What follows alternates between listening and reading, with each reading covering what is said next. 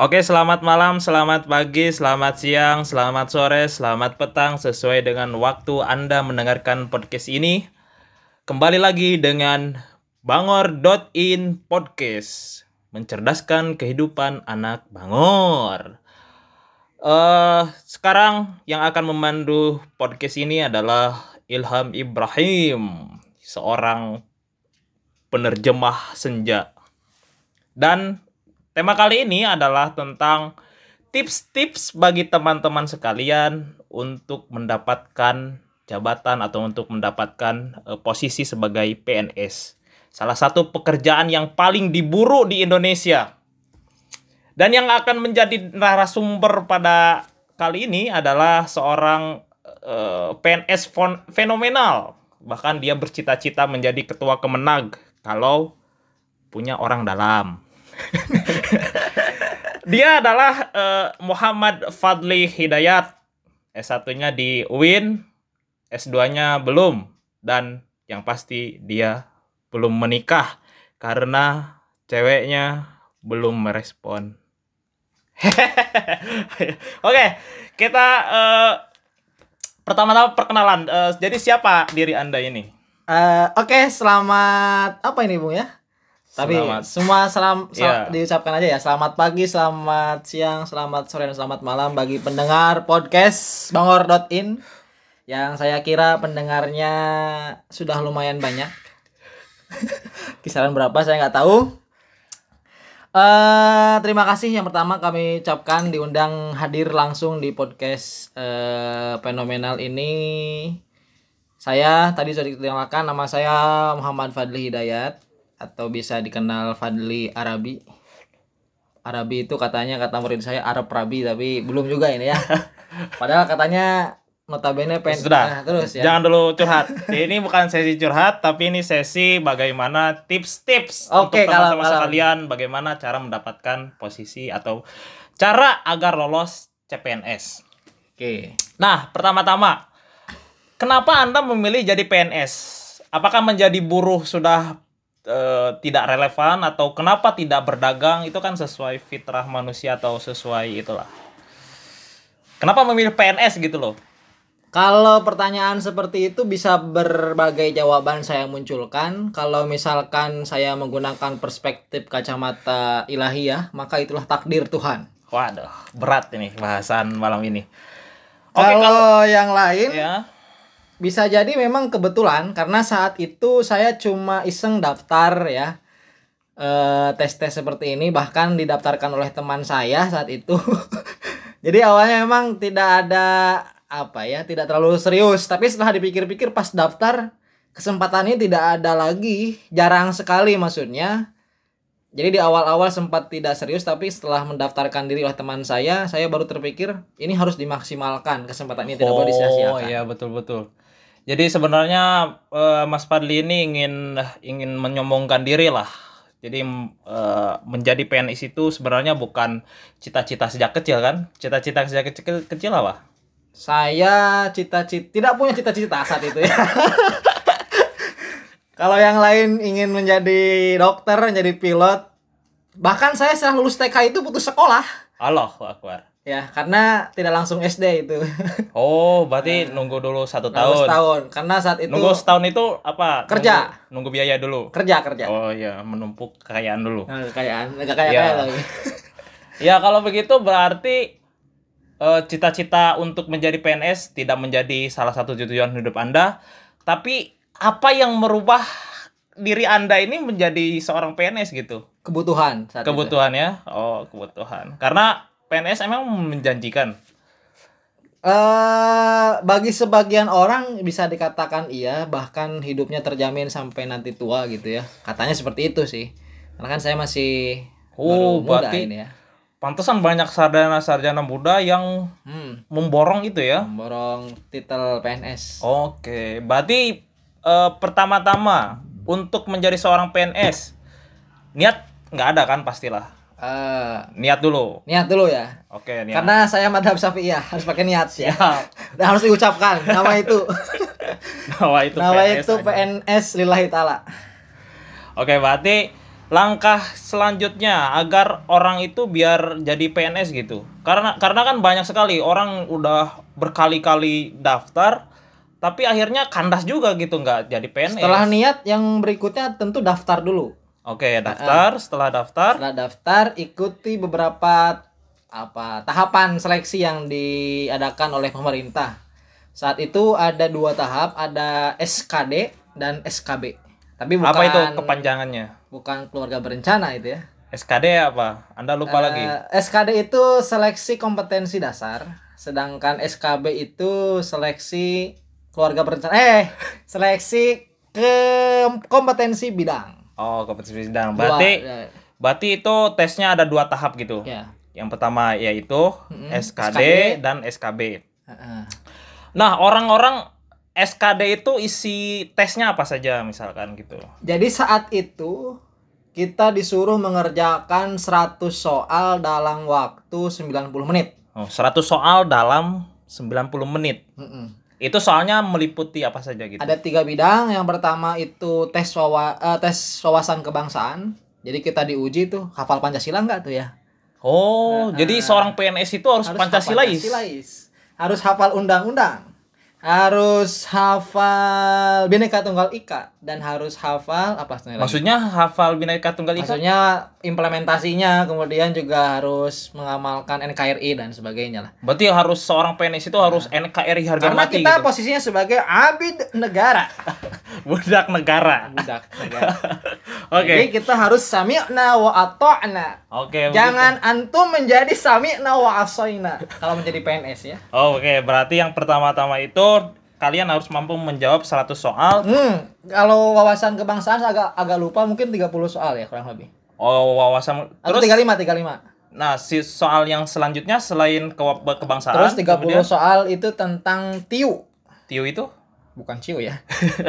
ya, TIU itu apa? TIU itu tes intelijensi umum. Kayak Tes psikotes, psikotes. Oh, ya, kayak matematika, bahasa dan sebagainya itu ya. Oh, oke. Berarti Itu yang Oh. kedua. itu yang kedua. Terus 35 soal terakhir itu tentang kepribadian. Jadi maksudnya mengulik pribadi. Mengulik pribadi dan itu tes yang paling sulit saat itu. Contoh mengulik pribadi kayak gimana? Jadi misalkan Anda seorang bos ketika Anda ada, ada anak buah seperti ini apa yang Anda lakukan? oh, berarti itu untuk mengukur, sisi emosional seseorang, dalam kepemimpinan. kepemimpinan, kemudian etos kerjanya seperti apa gitu loh kepribadian.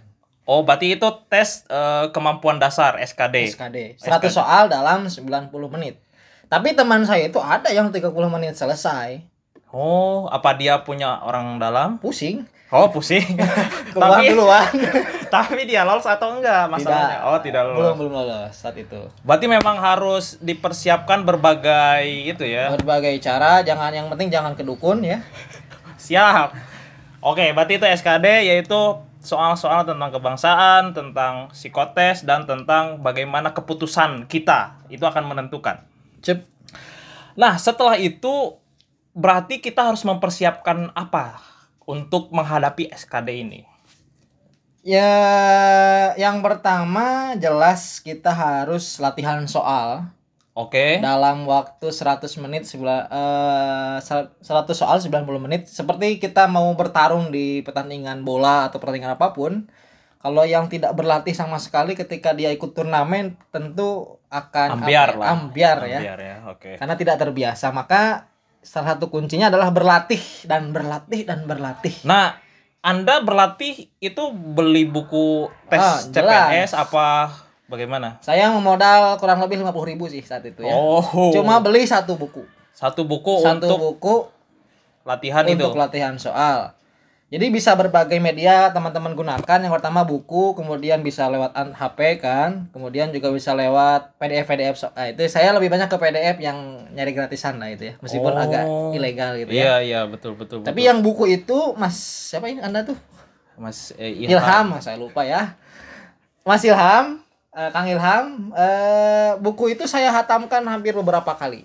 Oh, Jadi sampai hafal halaman-halaman sekian untuk materi saking kita sering membuka soal materi itu gitu loh. Nah, Jadi di tidak- dalam buku itu kan berisi soal, ada jawabannya juga nggak untuk Ada, mengukur ada, ada. seberapa banyak gitu eh, ini. Jadi ada berapa ada empat paket soal kemudian ada jawaban di belakang. Kalau nggak bisa saya lihat jawaban tetap gitu. Lah, terus kalau persoal soal tentang misalkan jika saya seorang bos, apa yang harus saya lakukan terhadap karyawan? Itu kan sesuatu yang eh, bukan eh, bukan bukan soal Bukan benar salah. objektif. Iya. Terus itu masuk Dan penilaiannya itu juga gimana? yang menjadi problem sebenarnya teman-teman pas angkatan saya 2018 saat itu ya. Karena jawab dari lima opsi jawaban itu tidak ada benar, tidak ada salah. Iya. Maksudnya tidak ada yang salah. Artinya semua mempunyai poin. Cuma poin 1 2 3 4 5. Oh, berarti kalau jawab poin A misalkan Satu. poinnya satu, Ah. kalau poin B Dan delapan. sebenarnya. Dan dari sekian soal itu Anda harus mengumpulkan poin yang lumayan tinggi saat itu. Jadi kalau kurang lebih harus 32 soal itu harus poinnya 5 setiap soal. Nah, gini, setelah eh, tes SKD nih, kemampuan dasar itu tadi yang tentang kebangsaan, tentang eh, apa psikotes dan sebagainya, eh, itu nanti akan diumumkan nggak benar Ya. salahnya? Nah, dulu anda berap, benar berapa dari 100 soal itu? Karena nanti kan ada ambang batas ya setiap apa saya katakan setiap mapel lah, mapel TWK, mapel TIU, mapel TKP itu ada batasnya. Nah, dari batas itu misalkan saya lupa ini secara spesifiknya ya, 70 atau sekian angkanya sekian dan harus di atas ambang batas minimal. Oh, Baru nanti bisa lolos ke tahap berikutnya. Oh berarti bukan dicari dari segi misalkan eh, Tapi nanti gini, karena kemarin tuh gini ya. Misalkan di atas apa ambang batas dulu kemudian setelah itu misalkan kuota 17 diambil itu tiga kali lipatannya misalkan. Hah. berarti kali 54 sekian itu gitu. Itu dulu lah. Oh, jadi ada misalkan masuk sekian dulu disaring kan. Saya saat itu Jogja itu ada sekitar 300 orang lah ya untuk formasi saya kemudian diambil sekian orang tepatnya karena ya lupa lah angka pastinya berapa. Tapi alhamdulillah dan ajaibnya gini saya perlu ceritakan sebenarnya saya di TWK itu tidak masuk minimal mas. TWK itu? Eh bukan TWK TKP kepribadian tadi. Oh tes saya kurang dua soal. Oh, berarti Anda nggak ngisi semua? keisi semua maksudnya nilainya kurang. Oh, saat itu tidak sampai minimal. Tetapi terbantu. terbantu gini. Jadi saat itu se-Indonesia Raya ini ya. Soalnya terlalu susah. Jadi Indonesia saat itu kemudian pemerintah juga tidak mau mengulangi lagi tesnya mungkin akhirnya ada kebijakan baru. Artinya ketika tidak minitas tidak mencapai batas minimal boleh nanti di ranking. Nah, saya termasuk orang-orang yang termasuk di ranking. Oh, berarti saat itu eh, apa sistemnya itu bukan Sempat terganti sebulan. Oh, bukan Jadi saya- bukan batas poin, tapi Batas poin tetap dipakai, cuma ada aturan baru bahwasannya kalau misalkan di formasi itu masih kosong, akhirnya boleh yang di ranking meskipun tidak batas minimal.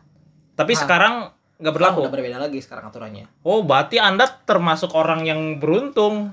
Itulah mengapa saya memang dilahirkan oleh Tuhan sebagai makhluk paling beruntung. Karena saat itu setelah saya tes, itu saya nangis, Mas.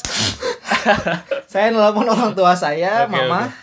Saya belum keterima di tes karena TKP saya masih kurang 10 angka dari Oh, batas minimal. mungkin dari sana langsung ibu Kemudian Anda ibu berdoa itu, mungkin, atau eh, punya orang dalam yaitu Allah Subhanahu wa taala. Oke, siap. Ini terlalu transendental ya. Transcendental sekali kita ya. Akhirnya saya minta doanya saja, ternyata ada kebijakan baru sebulan kemudian dan akhirnya saya masuk di ranking Oh, nah katakanlah Anda lolos gitu. SKD ya. SKD ya, tahap pertama gitu. Nah, kalau lolos tahap pertama itu sudah jadi PNS atau belum? Belum. Ah, tahap selanjutnya apa tuh? Saya saat itu masih calon-calon PNS. CC PNS. Oke, berarti persiapan apa yang harus dilakukan setelah misalkan kita dinyatakan lulus gitu? Yang pertama eh, saya tapi itu ya, saya tidak pernah mengupload apa pun di medsos saat itu.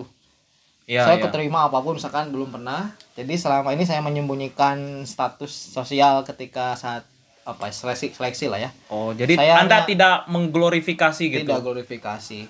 Saya lebih bertahanus Oh iya dan perbanyak doa lah. banyak berdoa dan belajar Iya. katanya ya. Anda Nah, ini memang religius sekali ya. Sekali.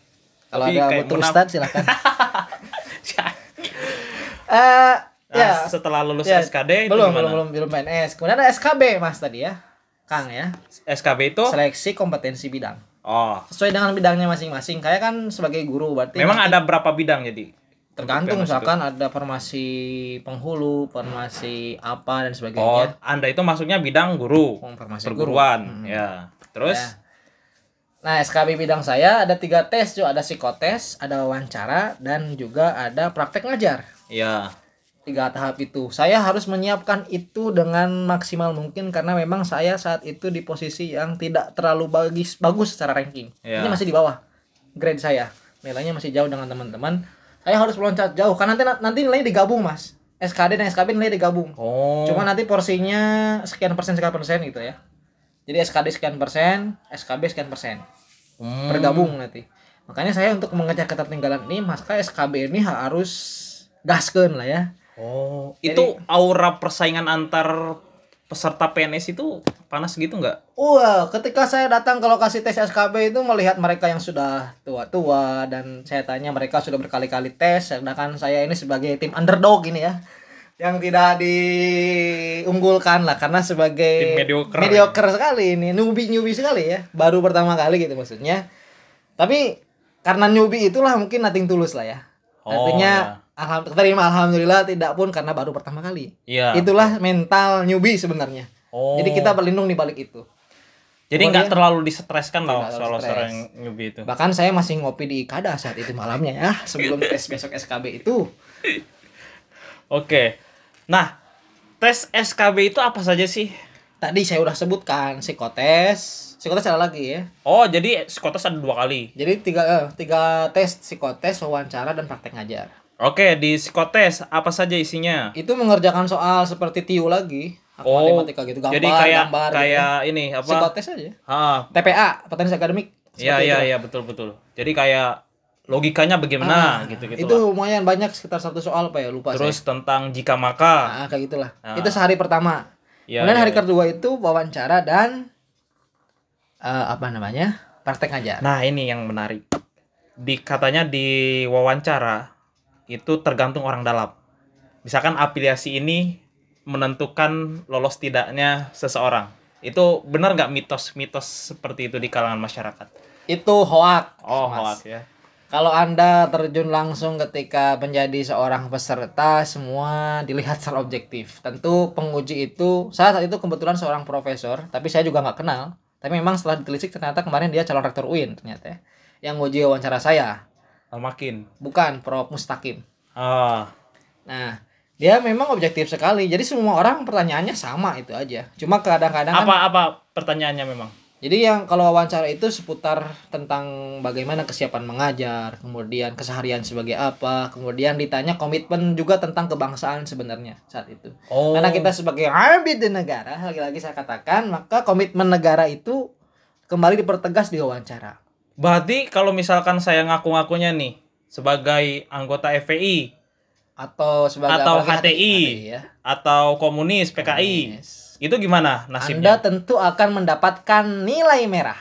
Oh. ataupun karena ah bukan nilai merah juga maksudnya mungkin penguji ah ini agak sedikit kontradiktif dengan narasi pembangunan bangsa kan gitu ya Oh. itu loh Tapi kan nara apa kinerja itu kan nggak berhubungan dengan ormas apa yang dia anut.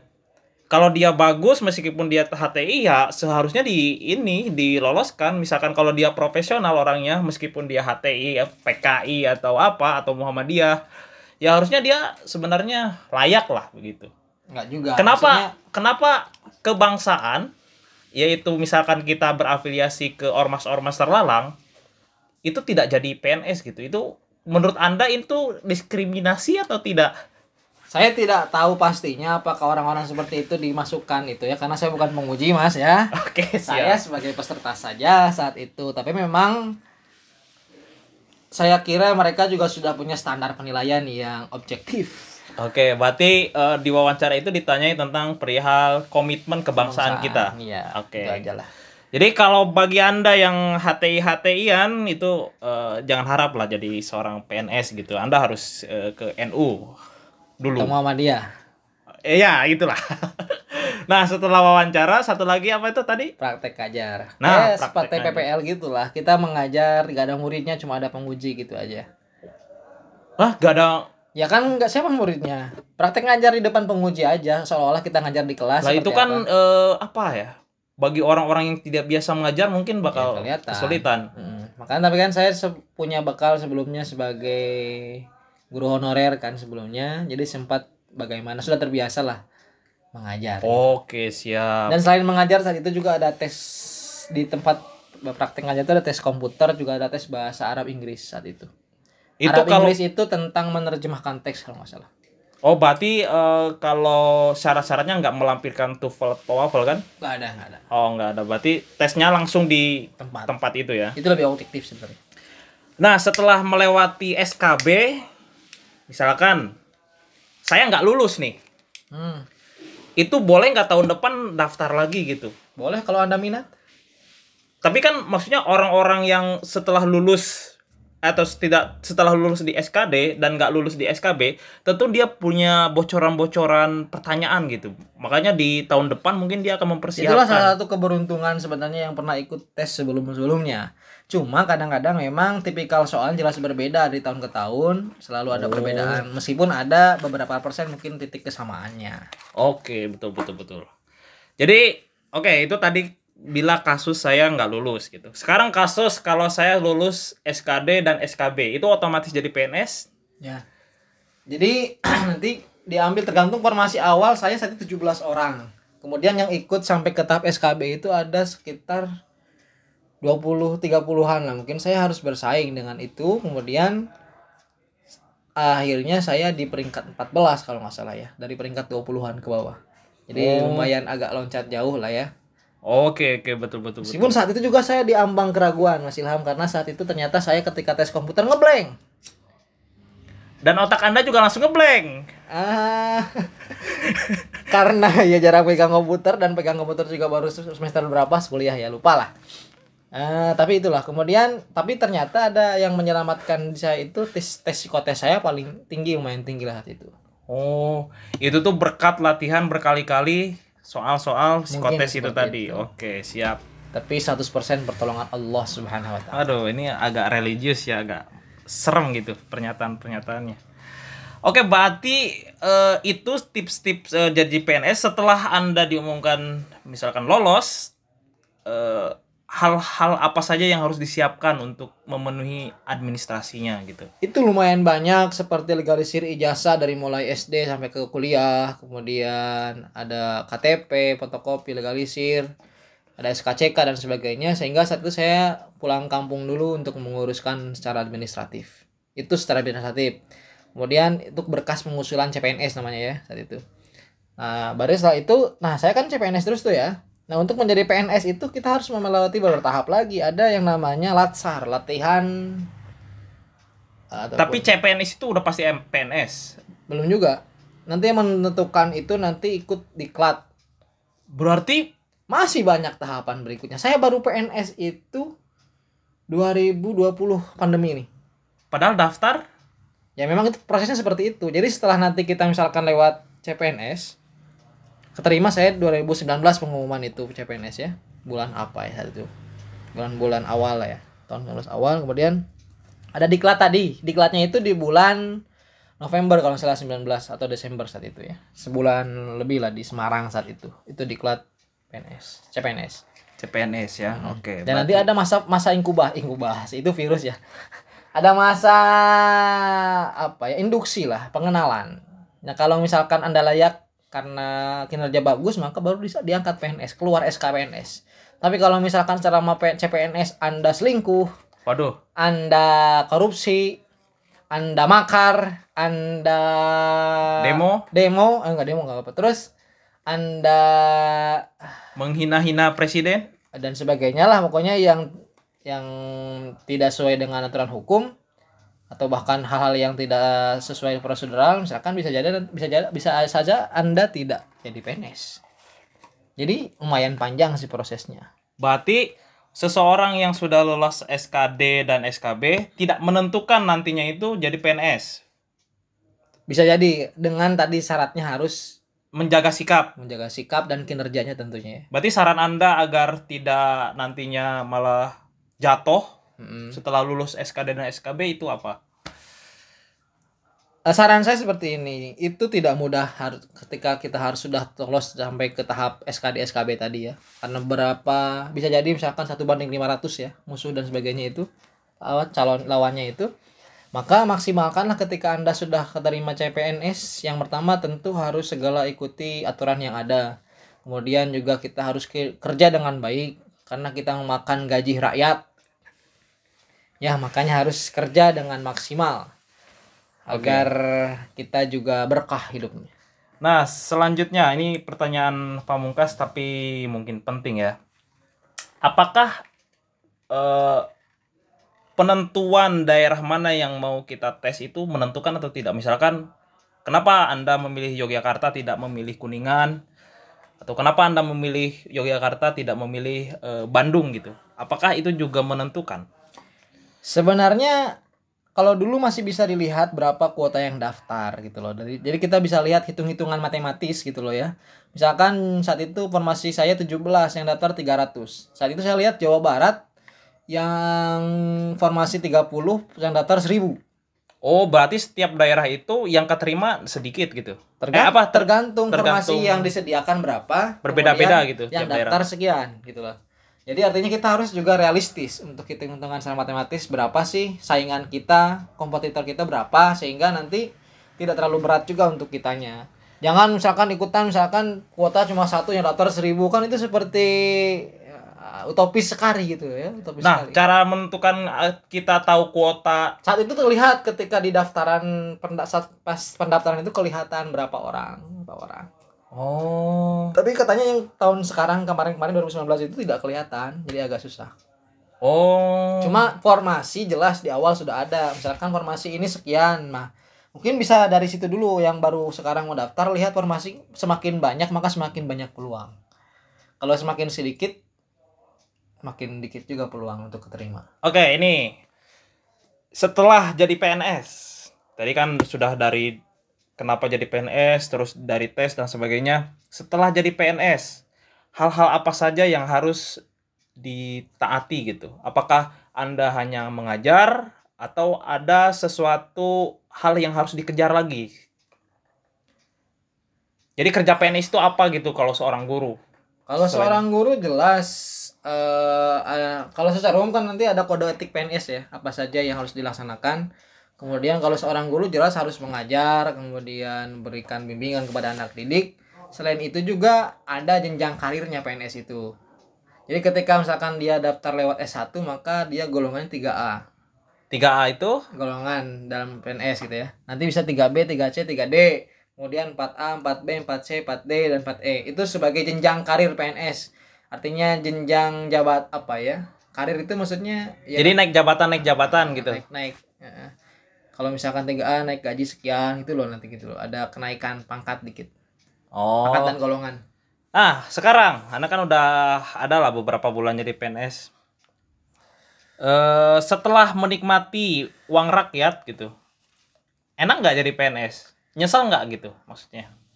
Ada kan orang yang jadi PNS nyesel kemudian nggak dari TK saya jadi PNS aja kan ada orang misalkan jadi PNS, tapi setelah itu dia malah ternak lele dan meninggalkan eh, seluruh atribut jabatan PNS gitu. Karena menurut dia eh, dia nggak passion di kerja gitu. life is choice. Oke. hidup pilihan. Tapi bagi setiap orang mungkin itu sebagai penghasilan tambahan.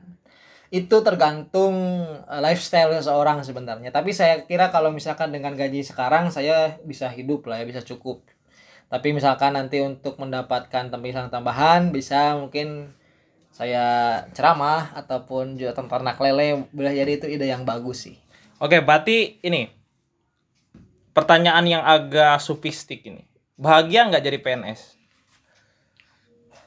Bahagia itu relatif sekali. Ada yang sangat bahagia, ada yang bahagia yang tidak bahagia, yang kurang bahagianya setiap hari di sekolah mungkin kita dibully ya.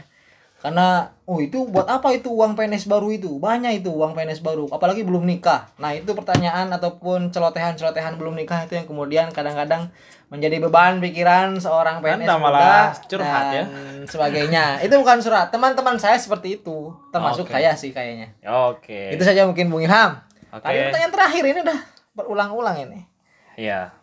Oke, berarti itu saja tips-tips yang eh, bisa disampaikan oleh Mas Fadli. Ada pesan terakhir untuk calon-calon PNS di seluruh Indonesia. kemungkinan akan ada pembukaan di 2021 jadi entah waktu tepatnya kapan tapi saran saya dari sekarang segera persiapkan terutama terkait dengan tes-tes yang dilakukan oleh yang dilaksanakan untuk mencapai PNS tadi kalau jika Anda minat gitu ya segera di sekarang karena yang namanya proses tidak akan pernah mengkhianati hasil sebagaimana moto yang sudah maklum di kami yakin usaha sampai Atau moto di Kemenag. Ikhlas beramal. Ikhlas beramal. Oke. Itu saja teman-teman sekalian. Eh, semoga info tips-tips tentang menjadi seorang PNS eh, dapat menginspirasi kalian untuk menjadi PNS atau justru kalian tidak berminat untuk menjadi PNS. Karena hidup itu adalah pilihan, maka mau jadi PNS atau tidak, tetaplah hidup yang berguna. Eh sekian. Wassalamualaikum warahmatullahi wabarakatuh. Waalaikumsalam warahmatullahi wabarakatuh. Ada itu aja. Kacang paru man.